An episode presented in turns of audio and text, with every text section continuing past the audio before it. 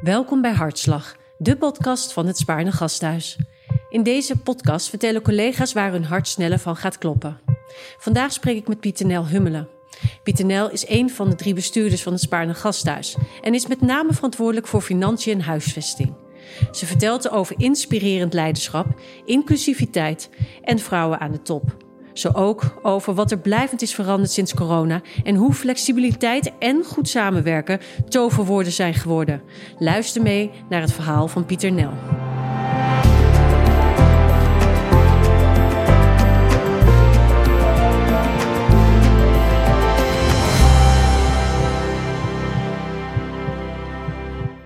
Pieter Nel, hallo, welkom. Uh, leuk dat je er bent. Um, ik heb even gekeken, maar je bent bestuurder van ons ziekenhuis, van het Spaarne Gasthuis. Je hebt ook toezichthoudende functies. Uh, je bent uh, moeder van drie kinderen en je bent 44 jaar. Um, wat ik me eigenlijk afvroeg is, bestaat het glazen plafond? Dat is meteen een goede, goede openingsvraag. Het bestaat glazen plafond. Ja, dat is natuurlijk iets wat veel besproken wordt, het glazen. Ik, moet, ik kan eigenlijk alleen dan voor mezelf spreken en zeggen van... hé, hey, dat heb ik nooit er zo ervaren. Ik heb altijd eigenlijk mensen om me heen gehad... die mij uh, kansen hebben gegeven en... Um, waardoor ik altijd heb kunnen doen wat ik zelf graag wilde. Dus ik ken dat niet zelf als thema in, in mijn leven. Ik zie het natuurlijk wel om me heen. En ik ken het vooral ook van, nou ja, van, mijn, van mijn moeder en van mijn grootouders wellicht. Um, al hebben die ook beide altijd gewerkt. Dus voor mij, ik ben opgegroeid dat het een soort van zelfsprekendheid was. Dat je ook als vrouw uh, jezelf helemaal kon ontwikkelen en je ambities um, waar kon maken eigenlijk. Speelde ja. jouw moeder daar een belangrijke rol in? Ja, ik, ik, denk het wel. En mijn vader uiteindelijk natuurlijk ook. Want als je het hebt over die emancipatie van de vrouwen, die eigenlijk natuurlijk al. Ja, die is al lang aan de gangen. Um, dan, dan zie je daar natuurlijk wel dat daar enorm veel stappen in uh, gezet zijn. En dat voor mijn moeder, die heeft echt nog wel gevochten in een mannenwereld. En dat, nou, dat hebben we thuis natuurlijk, dat is echt wel onderdeel geweest van, van mijn opvoeding. Uh, dus dat je als vrouw ook gewoon kon gaan werken, kon gaan studeren. Daar, dat is voor mij nooit iets geweest wat ik me heb afgevraagd. Wat ik gewoon zo ben gaan doen. Ja. Jouw moeder was feministe? Die was wel, ja, die, ja zeker. Die was zeker feministisch, absoluut. Ja, en die zocht ook wel die, die, die andere vrouwen op die daar hetzelfde over na uh, dachten. Um, ja, omdat die, die, zij heeft uh, farmacie gestudeerd in, uh, in Leiden en is daar, heeft daar mijn vader ontmoet, die ook farmacie gestudeerd heeft. En uh, dat was natuurlijk toch wel. Ik ben opgegroeid in Zeeland. mijn moeder kwam uit Limburg, dus dat was een katholieke meisje wat in het toch wel gereformeerde Zeeland ehm, aan de slag moest. Dus die heeft ook echt wel, nou, echt wel hard gewerkt om daar haar eigen apotheek neer te zetten. Uh, naast die van, uh, van mijn vader. En, um, en, en, en ja, dat apothekerswereldje, dat was ook gewoon een bolwerk, nog echt wel van mannen vooral. En natuurlijk veel vrouwen zaten toch thuis ook in die, uh, in die tijd. Dus ja, dat, daar ging vaak het gesprek ook wel over aan, aan de tafel. Dus mijn vader heeft er ook nog wel af en toe wel onder geleden, denk ik. onder, onder die gesprekken. Maar uiteindelijk was het dus voor ons en ook, ik heb nog een zus en een broer wel een soort van zelfsprekendheid. En dat, ja, daar ben ik wel dankbaar voor. En speelt dan die vrouwelijke emancipatie nog steeds een belangrijke rol? Of zijn er ook andere dingen die nu spelen? Nou, ik vind dat nu veel meer. Kijk, het thema in de maatschappij, en dat, dat deel ik helemaal, gaat nu, is nu breder dan alleen uh, die vrouwenemancipatie. Het gaat veel meer over die diversiteit en die inclusiviteit. Um, ja, wat, wat inderdaad, uh, dat zijn natuurlijk modewoorden. Maar ik denk aan de andere kant is dus nu de maatschappij ook klaar voor die termen. En als we dezelfde termen gebruiken en we hebben daar eenzelfde idee bij, is het ontzettend mooi om dat ook echt de aandacht te geven die het uh, verdient. En ik denk dus die, die diversiteit en vooral hè, mensen van een andere komaf of een ander geloof. Of, um, uh, ja, dat we die breedte veel meer moeten omarmen. En moeten, uh, ja, dus mensen veel meer een gelijke kans ook moeten geven. Uh, wat wij eigenlijk in het ziekenhuis ook uh, voorstaan, is goed leiderschap, hè? persoonlijk leiderschap. Kan jij daar wat meer over vertellen, hoe dat, uh, hoe dat voor jou werkt? Ja, ik vind goed leiderschap een moeilijk begrip. Want goed, dan suggereert er dat er ook een fout is. En voor mij, dus ja, wat is leiderschap? En dat hangt ook wel heel erg af van in welke omgeving zit ik en wat vraagt de inspirerend, ja, inspirerend. Ja, ja dat, dat, dat, is dan dat maakt dat is meteen weer een heel groot ja. dat is meteen weer een heel groot uh, begrip natuurlijk. Maar wel wat vraagt de situatie van jou als leider en ben je dus wendbaar en flexibel? Ben je uh, ook een stukje transparant? Heb je oog voor wat jouw team, hè, wat ook je teambehoefte is? Uh, weet je mensen een kant op te bewegen? Um, ja, het liefst ook inspirerend, maar dat vind ik, dat vind ik ja, een groot woord. Um, en ik denk dat geen enkele leider alleen maar inspirerend is. Maar ik vind altijd wel een mooi voorbeeld van: hey, ben je iemand die. Uh, ben je hier bijvoorbeeld bestuurder en zoek je 4000 volgers? Of ben je hier en, en, bouw je samen dat team? En ik ben veel meer in ieder geval, zelf sta ik veel meer voor dat samen en dat, dat team bouwen. En ook hier een ziekenhuis bouwen. Zo ook dat als ik weg ben, dat niet iets instort. Uh, en je ziet natuurlijk wel ook leiders, en dat wordt vaak natuurlijk wel ook geprezen, die heel erg visionair en uh, op een bepaalde manier een organisatie neerzetten. Maar je ziet ook de kwetsbaarheid dan, dat als diegene vertrekt, dat zo'n organisatie zich eigenlijk niet goed raad meer weet met wat er staat. En uh, dus ja, ik geloof zelf wel heel erg in leiderschap, dat je dus bouwt en dus met je team wat neerzet. Zodat als je zelf vertrekt, er echt ook iets blijft staan. Ja, interessant, want zo had ik het ook nog niet bekeken. Het is uh, mooi dat je het zegt. Um, brengt me ook op de volgende vraag. Wat heb jij eigenlijk aan gedaan om een goede leider of een inspirerende leider... of nou ja, we mogen altijd het woord niet noemen. Wat heb jij daaraan gedaan zelf? Ja, ik heb wel heel veel um, trainingen op het gebied van leiderschap uh, gevolgd. Of sowieso, weet je, als bestuurder probeer je ook heel veel in te reflecteren... en ook met mensen buiten de zorg en Um, wat voor mij ook altijd heel erg waardevol is, wat haal ik op uit gesprekken die ik voer met, met, met medewerkers. Van, als mensen je feedback durven geven, in, in mijn hele carrière tot nu toe, vond ik dat eigenlijk altijd het meest waardevolle. Juist wat ik terugkreeg van mensen uit mijn team. Um, en dat is soms ook wel pijnlijk. Soms schuurt dat ook een beetje, want je wilt natuurlijk graag, ja, of ik wil het ook graag goed doen. Ja. Uh, dat is ook zo'n vervelende eigenschap. Um, maar uiteindelijk, weet je, als je dat dan ja, als je daarover na gaat denken van hé, hey, wat krijg ik nou eigenlijk terug en hoe waardevol dat is en hoe je dat dan weer vormt als mens, uh, denk ik van nou, daar heb ik het gewoon het meest aan gehad. En ik ben ook gewoon iedere dag nog lerende. Mm. Uh, dus ook ik ben er niet. Weet je, je bent er volgens mij ook nooit echt als leider. Um, maar het is, het is, dus ik heb daar heel veel gehad. En natuurlijk gewoon heel veel ook hele mooie uh, trajecten gevolgd. Uh, hele mooie trainingen gedaan. Op persoonlijke ontwikkeling. Gewoon echt op persoonlijke ontwikkeling uh, gebied. En vooral, weet je, wat, waar, ik geloof, waar ik echt in geloof bij leiderschap is... blijf authentiek. Dus ontdek van hey, waar je eigen kracht zit. En blijf echt bij jezelf. Probeer niet iemand te kopiëren of iets na te doen. Want dat, alhoewel ik het echt heel graag zou kunnen... want ik ben bijvoorbeeld heel erg jaloers op hoe sommige mensen kunnen spreken voor een grote groep mensen en zo'n hele zaal in vervoering kunnen brengen. Ik denk van ja, dat zit niet in mij. Dus ik kan dat proberen na te doen, maar dan, komt dat, dan raakt dat niet op dezelfde manier. Dus hou het dicht bij jezelf en ontdek van hé, hey, waar zit mijn kracht en, en sta daarvoor. En dat is altijd ook kwetsbaarheid. Goed.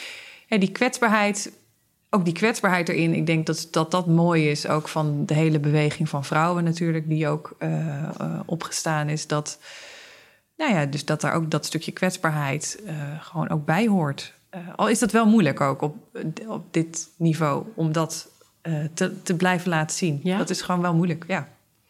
Je moet er ook... Kijk, ik ben ook gewoon verantwoordelijk voor de financiële bedrijfsvoering die moet staan.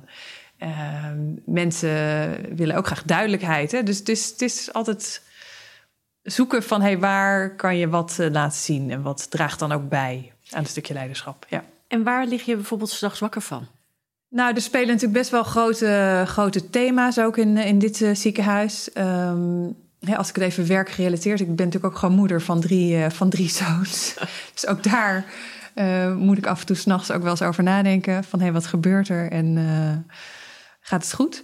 maar hier spelen natuurlijk best wel grote thema's. Waar ik eigenlijk van wakker lig is als ik merk van hey, dat ik niet meer in verbinding sta. Of dat ik niet meer het gevoel heb van hey, dat dat je het echt samen doet. Of dat, dat, soms gebeuren natuurlijk dingen en dan probeer ik ook altijd wel daarna weer het gesprek op te zoeken. Uh, om te kijken van hey, hoe ga je het dan toch samen weer verder en hoe geef je het dan samen weer eh, richting. Het is meer ook vooral als je het idee hebt, ja, niet dat ik constant controle wil hebben, maar als je het gevoel hebt van hey, er gebeuren dingen waar je dan eigenlijk geen invloed meer op hebt. Um, en dat zijn soms wel grote thema's en dan denk ik van ja, dat, daar kan je gewoon wel wakker van liggen. Gelukkig krijg je wel in de loop van de jaren, van de jaren een iets dikkere huid. Ehm, dus dat helpt ook wel. Ik weet ook niet of je anders zo'n positie goed aan zou kunnen. Niet alles moet je meer raken op eenzelfde manier. Ehm, maar er moeten nog steeds wel dingen je blijven raken. Dat is wel heel erg belangrijk. Zeker. Uh, als we terugkijken naar het afgelopen jaar, ben jij uh, eigenlijk vorig jaar, begin vorig jaar, bij ons in vaste dienst gekomen. Hè? Um, en toen stond je meteen voor een grote, een grote opdracht. Dat was corona. Uh, wat heeft corona uh, met jou gedaan? Wat, hoe, hoe ben je daarin gegaan in, in, in dat proces? Ja, maar inderdaad, toen ik vorig jaar begon, toen, toen barst natuurlijk vrij snel uh, de coronacrisis uit. Ik weet, ik had mijn eerste dienst als bestuurder. We hebben om de beurt hebben wij een, een, een dienstweek. En toen, wat was eigenlijk de eerste week dat ik zelf ook dienst draaide. En toen, toen begon eigenlijk echt de eerste coronapatiënt ook dit ziekenhuis eh, binnen te komen. Dus dat vroeg enorm veel van de organisatie, een hele ommezwaai. En ook nog wel, we moesten toen ook over naar de crisisstructuur. Dus dat eh, is toch ook altijd een beetje chaotisch. Want iedereen, van iedereen wordt dan een andere rol uh, gevraagd. Dus ik weet ook dat we echt tot vrijdag echt ontzettend laat en ook op zondag weer toch weer met elkaar allemaal in overleg uh, gingen om te kijken van hey, hoe krijgen we nou die crisisorganisatie echt goed uh, opgestart en hoe kunnen we gewoon de zorg gaan leveren voor wat mogelijk. Toen hadden we natuurlijk niet kunnen vermoeden wat er allemaal op ons af zou komen, maar wat er mogelijk op ons afkomt. Um, en dat is eigenlijk best wel lang zo doorgegaan. Dus ik weet nog dat ik na een paar weken dacht, nou, toen werd er gesproken over van nou eind mei, tot eind mei loopt dit door. Toen dacht ik, jeetje, tot eind mei dat vraagt behoorlijk wat van ons allemaal. Uh, maar inmiddels zijn we dus nog een jaar verder. Uh, en ik besef ook echt wel heel erg goed wat dit gevraagd heeft van al onze mensen. En hoeveel flexibiliteit uh, dit gevraagd heeft. En hoe hard iedereen zich in is blijven zetten. En hoeveel iedereen heeft laten zien om eigenlijk maar die zorg voor die groep patiënten te kunnen blijven bieden. Dat, um, ja, dat, dat, is ook, dat geeft ook wel weer een bepaalde kracht. Weet je, dus dat is ook wel weer heel erg mooi. Ja. En het is ons gelukt. Het is ons zeker gelukt. Dat is weer de positieve kant volgens mij die we samen kunnen benoemen. Nou, en hoe, hoe wendbaar dan ook, weet je. Want er wordt natuurlijk veel gezegd over ziekenhuizen. En uh, ik denk van, weet je, in zo'n crisis, weet je, dat is, dan laat zo'n ziekenhuis weer echt zien waar we voor op aarde zijn. Gewoon waar we waanzinnig goed in zijn. Uh, dat vond ik laatst ook weer zo'n mooi voorbeeld uh, rondom die vaccinatie. Uh, van hey, hoe flexibel, hoeveel flexibiliteit dan medewerkers van alle afdelingen. Het is natuurlijk echt ons zorgpersoneel, maar ook van de ondersteunende afdelingen. hoeveel inzet die geven. Wat heb je met de zorg? Ja, ik werk al heel lang in de zorg. Dus ik heb, ik, het is toch iets wat me blijft fascineren, zo'n zorgbedrijf. Um, en vanuit mijn eh, portefeuilles ben ik natuurlijk vooral ook bezig van hey, hoe, hoe, brengen we nu die zorg naar de volgende stap? Uh, van hey, hoe brengen we nou echt, hoe zorgen we dat het ook, het is een bijzonder bedrijf, maar dat we het ook wat bedrijfsmatiger aan gaan sturen. En dat ook die ondersteunende diensten op die manier ook ja, echt ondersteuning uh, bieden aan het primair proces. En ook echt als een vliegwiel gaan, gaan functioneren en gaan samenwerken, zodat we echt het verschil kunnen gaan maken. Dus dat is wel mijn ambitie om dat ook hier te verwezenlijken. Hmm. Um, het is gewoon. Had je zelf aan het bed kunnen staan, bijvoorbeeld? Nou, ik heb wel over nagedacht ook om geneeskunde te studeren uh, naar het VWO. Maar heb dat toch niet gedaan. Maar je was beter in cijfertjes. Ik was beter in cijfertjes, ja. Ja, wellicht. Nee, dus dat, ik heb, het is wel door mijn hoofd gegaan. Maar ik voelde toch meer voor andere, andere richtingen inderdaad. En um, ja, ook goed. Dus, uh, dus in die zin is dat ook, uh, ook helemaal prima. Maar ja, het is gewoon een heel complex bedrijf. Uh, heel veel politieke lagen erin. in de buitenwereld gebeurt constant wat anders waar je op moet anticiperen. Um, en dat maakt het gewoon eigenlijk heel uitdagend. En, en het is een maatschappelijke instelling. Dat vind ik eigenlijk ook belangrijk. Uh, dus niet puur winstgedreven, maar meer van hey, wat kan je met middelen doen om nou ja, de zorg beter te maken. En uh, het is natuurlijk ontzettend veel veranderd. Dus ja, het, het, het, is me gewoon blijven inspireren eigenlijk. En ja. mooi dat je dat zegt, het is ontzettend veranderd. Het is vooral natuurlijk vooral uh, ontzettend veranderd in het afgelopen jaar. Ook, en volg, ja. wat denk jij is blijvend veranderd als we kijken naar de toekomst? Nou, is wel denk ik ons idee over de manier van werken en, en, en dat op afstand. Uh, ik denk dat dat in de versnelling. Ik denk dat heel veel ideeën al wel bestonden of wel werden uitgevoerd. Maar dat, dat corona wel een bepaalde manier versnelling heeft gebracht uh, op een aantal uh, gebieden. En dat is echt wel dat die patiënt niet altijd meer voor een gesprek van 10 minuten zijn auto hoeft te parkeren, hierheen hoeft te komen, moet wachten in de wachtkamer en dan weer naar huis gaat.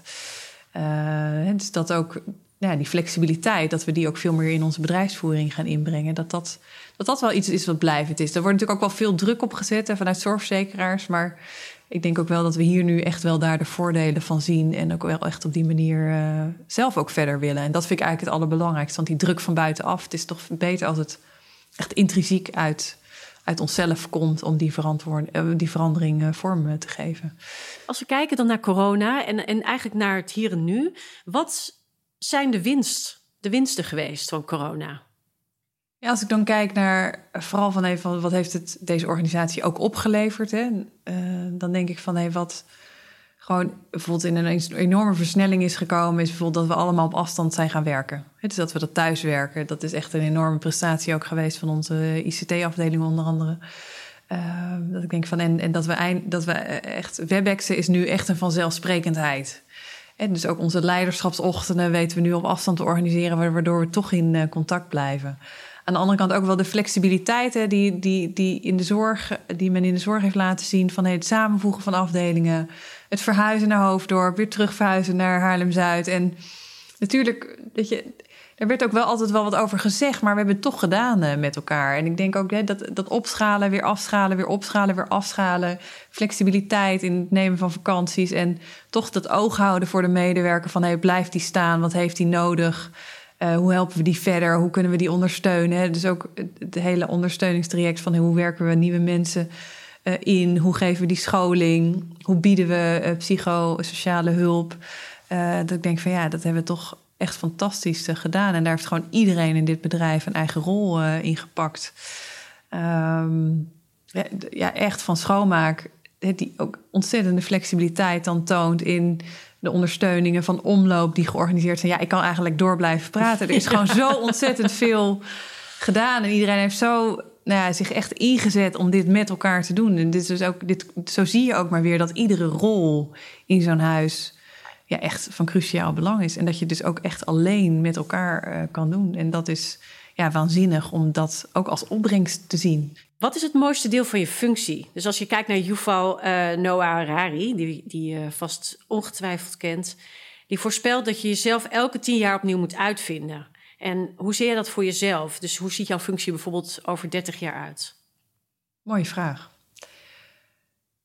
Ja, als ik, als ik nu kijk um, naar mijn functie, dan vind ik het meest uitdagende om die verschillende thema's waar ik verantwoordelijk ben uh, voor ben om die in verbinding te brengen en, en, en zo te kijken van hé, wat, nou ja, hoe breng je dat dan echt verder? Hè? Wat los je er echt mee op voor dit uh, ziekenhuis? En dat zijn natuurlijk nu speelt er heel veel op het gebied van huisvesting. Um, en de vernieuwing die daar wordt gevraagd. En hoe zet je dat nou goed neer voor echt de komende generaties? Hè? Want alles wat je in stenen stopt, uh, daar zit je gewoon heel lang aan vast. Weet je, dat is de realiteit van vandaag. En je loopt daar nu als ziekenhuis een heel ander risico over dan 15 jaar geleden. Dus daar is best wel veel uh, veranderd in die zin. Dus ik denk van hey, hoe doe je dat nu echt goed voor de toekomstige generaties en ook voor de huidige generatie die uh, er nu mee te maken heeft. Hè? Dus dat vind ik wel. Dat is ook een complex thema. Van hey, hoe breng je dat nu echt goed verder? En hoe help je ook dat de, die andere afdelingen daar eigenlijk goed ondersteunend in kunnen zijn? En als je het hebt over van hey, hoe vind je jezelf opnieuw uit, denk ik ook wel van hey, dus je Ehm, je bent als, als leider, dat hebben we net natuurlijk ook wel heel even aangeraakt, ook maar een beperkte termijn houdbaar. Dus ik kan hier nu ontzettend veel waarde toevoegen. Maar als dit dan staat, dan is het ook de vraag. En dat, daar vind ik ook, daar moet je ook altijd kritisch naar jezelf kijken. Of jij dan nog steeds de goede bent, de goede persoon op de goede plek. Of dat je dat moet overgeven. En inderdaad zelf weer. Ik weet dan niet of je jezelf helemaal opnieuw uit moet vinden of uit kan vinden. Uh, maar zelf wel weer een andere plek zoeken waar je weer gewoon echt wel weer die waarde toe kan voegen. Um, en dat, is dus, dat zijn dus wel ja, thema's die, waarvan het ook goed is om die gewoon wel regelmatig te bespreken. En daar wij natuurlijk ook onze Raad van Toezicht voor, om dat met ons uh, te doen. Um, maar daar moet je ook zelf als mens natuurlijk wel steeds uh, naar blijven kijken. Voeg ik hier nog inderdaad, ben ik hier nog de goede persoon op de goede plek? Voeg ik die waarde toe en, en inspireert mij dat ook? Hè? Want uiteindelijk denk ik, ja, als ik, je moet ook iets ontvangen om weer iets te kunnen geven, is dat uh, in balans Ja. Nou ja, de vraag die altijd open blijft is: uh, waar gaat je hart dan sneller van kloppen in het werk? Ja, ik word gewoon heel enthousiast als. Ik word echt heel enthousiast als ik zie van hé, waar, waar we vandaan komen als huis. En als we gewoon kleine verbeteringen weten te verwezenlijken met elkaar. En echt met elkaar, weet je. Dus dat hoeft ook niet. Het is altijd zo'n vraag uh, die ook vaak gesteld wordt: geloof je in revolutie of evolutie? Uh, van nee, nee, als we echt met elkaar gewoon werken aan, nou ja, dat iedere dag het inderdaad ietsje beter doen. Um, en als ik dus zie van hé, hey, we weten gewoon iets kleins weer gewoon net wat beter te doen. En dan denk ik van ja, dat geeft mij al gewoon heel veel energie. Nou, Pieter Nel, dat lijkt me een mooie, een mooie manier om te eindigen. Dankjewel voor dit gesprek. Dankjewel.